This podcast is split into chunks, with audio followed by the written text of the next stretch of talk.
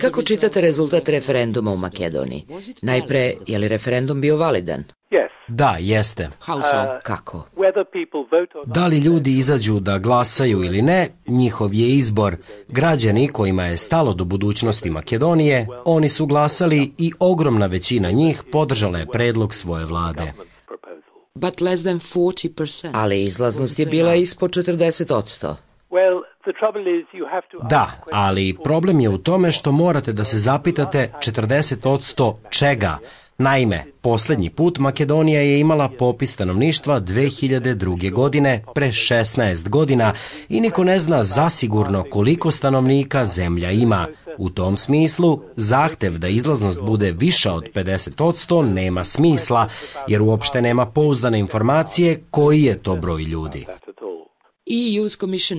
Evropski komesar Johannes Hahn izjavio je da su Makedonci ubedljivo podržali promenu imena zemlje. Da li je to po vašem sudu tačno? Mislim da je on u pravu, da. Ugledni analitičar iz Hrvatske podsjetio je u ovom kontekstu, doduše da je na referendumu pred ulazak Hrvatske u Evropsku uniju 2013. takođe izašlo manje od 50% birača, preciznije 43,5%, pa je to prošlo.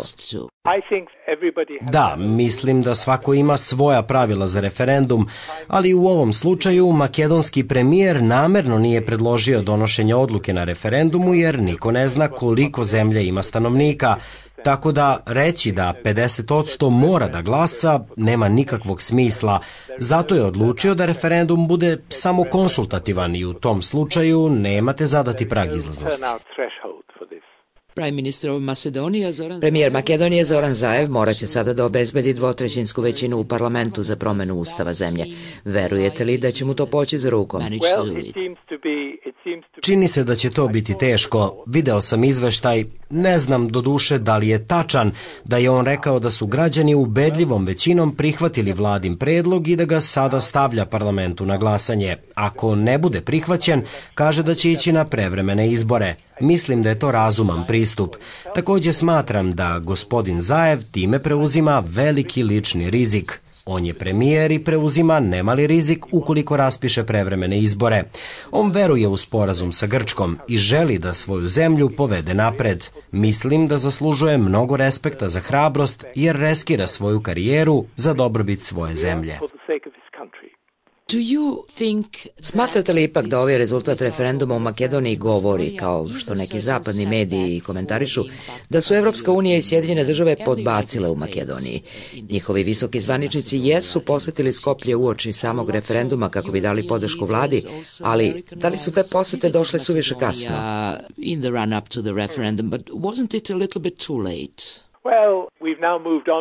Sada smo se ipak odmakli od referenduma. Predstoji mnogo važnije pitanje, a to je dobijanje dvotrećinske većine u parlamentu za promenu ustava i to će biti teško. Ono međutim što se već sada vidi jeste da postupanje premijera već ima podršku generalnog sekretara NATO i visoke predstavnice Evropske unije. Mislim da svi u Evropi treba da stanu iza Zajeva jer predstavlja najbolju nadu za građane Makedonije. Kako će po vašem sudu ishod referenduma u Makedoniji uticati na dijalog između Beograda i Prištine, sada kada su između njih povišene tenzije i kada je i dijalog u krizi? Mislim da to treba da bude pozitivan signal. Nadam se da će sami Makedonci rešiti ovaj problem koji su njihova zemlja i Grčka imale jako dugo. Ako reše taj problem, svi treba da budemo zadovoljni i svi na Balkanu to treba da pozdrave kao veoma pozitivan signal za čitav region. A bio bih još srećniji ako bi i Srbija i Kosovo svoj problem rešili zajedno. Najbolje rešenje je da ljudi u vašem regionu ne čine ono što im kažu iz Evropske unije ili NATO ili bilo odakle, nego da sami zajedno nađu rešenje za svoje probleme. Nedavno ste napisali da su pregovori između kosovskih i srpskih lidera o tome kako da dođu do kompromisa u rešavanju problema granice doveli do različitih stavova. Od onih da će promana granice voditi ka ratu, do onih da je to način da se učvrsti mir. Upozorili ste u tom kontekstu da spoljašnji igrači ne treba prebrzo i previše definitivno da formulišu svoje stavove o tome. Pitanje je, međutim, nije li to vaše upozorenje zakasnelo, jer su najveći međunarodni igrači već zauzeli stavove? Ja pre svega mislim da ljudi mogu da promene svoja početna stanovišta o tome ako im se da vremena. Drugo, mi još uvek nemamo bilo kakve konkretne predloge od strane lidera u Prištini i Beogradu. Znamo da oni pregovaraju, ali rezultata još uvek nema. Tek kada budemo imali rezultate, moći ćemo o njima da se izjasnimo. Ali ono što mi mislimo nije najvažnije. Mnogo je važnije šta misle ljudi kojih se to direktno tiče. Dakle, šta misle građani u regionu.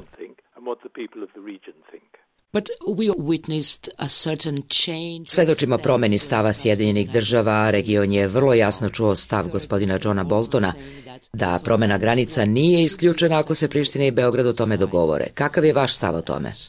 So, what's your view on that? Pa ako se dve strane dogovore, u čemu je onda problem? Ako se dogovore, onda to znači da sarađuju, da zajedno rešavaju problem. Ukoliko taj njihov dogovor uključuje i priznanje Kosova, što mislim da je od vitalne važnosti, onda će obe strane moći da se vrate ozbiljnom poslu vođenja sobstvenih država. Ali, znate, tu ima mnogo detalja koje treba rešiti.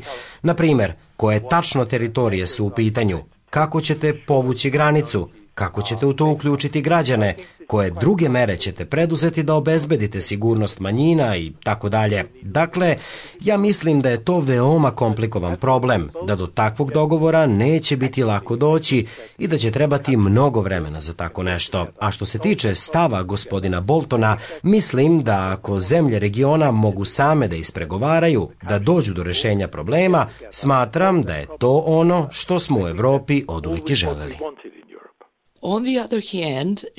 Na drugoj strani, međutim, nemačka kancelarka Angela Merkel odbija promenu granice između Kosova i Srbije zbog straha da bi to moglo oživeti etnički separatizam u susednim zemljama, Makedoniji, Bosni i Hercegovini i gurnuti region u konflikt. Pa, kao što sam rekao, hajde da najpre vidimo šta će Priština i Beograd predložiti. Hoću da kažem da ja i ne znam tačno o čemu mi uopšte razgovaramo, pošto još ni jednog predloga nema. Ali ako bi kojim slučajem lideri Bosne otišli do zapadnih vlade i rekli, znate šta, mi smo postigli sporazum, svi se slažemo o sledećem, nebitno šta je to, mislim da bi svi na zapadu bili oduševljeni. Ako se dakle svi domaći akteri saglase o nečemu, ako se ljudi na lokalu slože, čemu je onda problem? Domino efekat, otvaranje Pandorine kutije u regionu, odgovara na to kancelarka Angela Merkel. Onda treba da pogledate po regionu i upitate se da li iko u Bosni predlaže razmenu teritorija. Šta bi takvo kosovsko rešenje uopšte značilo po Bosnu? U Bosni ima mnogo problema, ali ja nisam čuo nikoga ko sugeriše da njene granice treba menjati. Ali poznavajući region, ne mislite li da bi recimo Milorad Dodik, lider srpskog entiteta, mogao sugerisati hajde da Srbija i Bosna i Hercegovina razmene teritorije, da se Republika Srpska pripoji Srbiji, a recimo Sanđak Bosni i Hercegovini? Pa tu bismo najpre imali mali geografski problem, jer je prilična udaljenost između Republike Srpske i Srbije, tako da ne znam baš kako bismo to rešili, ali ja mislim da sva pitanja treba razmatrati pojedinačno, zato što nisu sva ona ista. Dakle, ne moraju svi da čine isto. Očigledno je da problem na severu Kosova postoji u ovom trenutku. Problem koji je jedinstven. Ja bar ne znam da na nekom drugom mestu postoji sličan, možda do duše postoji u Preševskoj dolini. Kako god, moja poenta je sledeća. Svaka od zemalja u regionu ima svoje sobstvene probleme, mnoge od njih sa susedima. Onda se pojave neki akteri koji žele da problem koji imaju sa susedom reše, i to u saradnji sa njim. Meni je onda zaista iznenađujuće da ljudi tako nešto ne žele da pozdrave. Doduše, rešenje još uvek nisu pronašli, tako da ne znamo da li ono može da se sprovede, ali bar pričaju jedni sa drugima i pokušavaju da dođu do rešenja. Meni se to čini pozitivnim. Da li vas dobro razumem? U principu, vi ne biste imali ništa protiv razmene teritorija između Kosova i Srbije, ako se dve strane o tome saglase. Šta stoji u završnom aktu iz Helsinkija? Stoji da granice ne treba da se menjaju osim ako se to čini mirnim sredstvima, sporazumno i u skladu s međunarodnim pravom. Dakle, to i u ovom slučaju. Ako do nekog sličnog dođe, mora da se uradi mirnim sredstvima, uz dogovor dveju strana i poštujući međunarodno pravo. Ja bih tome dodao da bi morala da postoji puna zaštita za sve nacionalne manjine.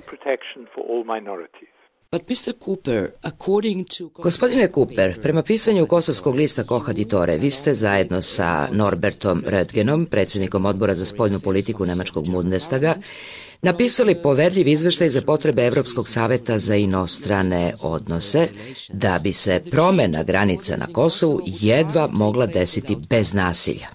Dokument je zasnovan na razgovorima sa ambasadorima nekoliko evropskih zemalja u Prištini.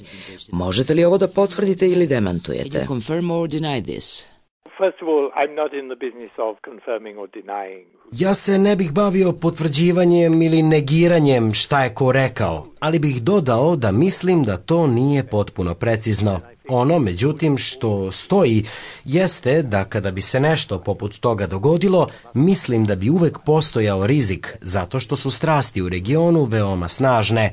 Postojao bi dakle rizik od izbijanja nasilja i morali bi se preduzeti koraci koji bi sprečili da se tako nešto dogodi.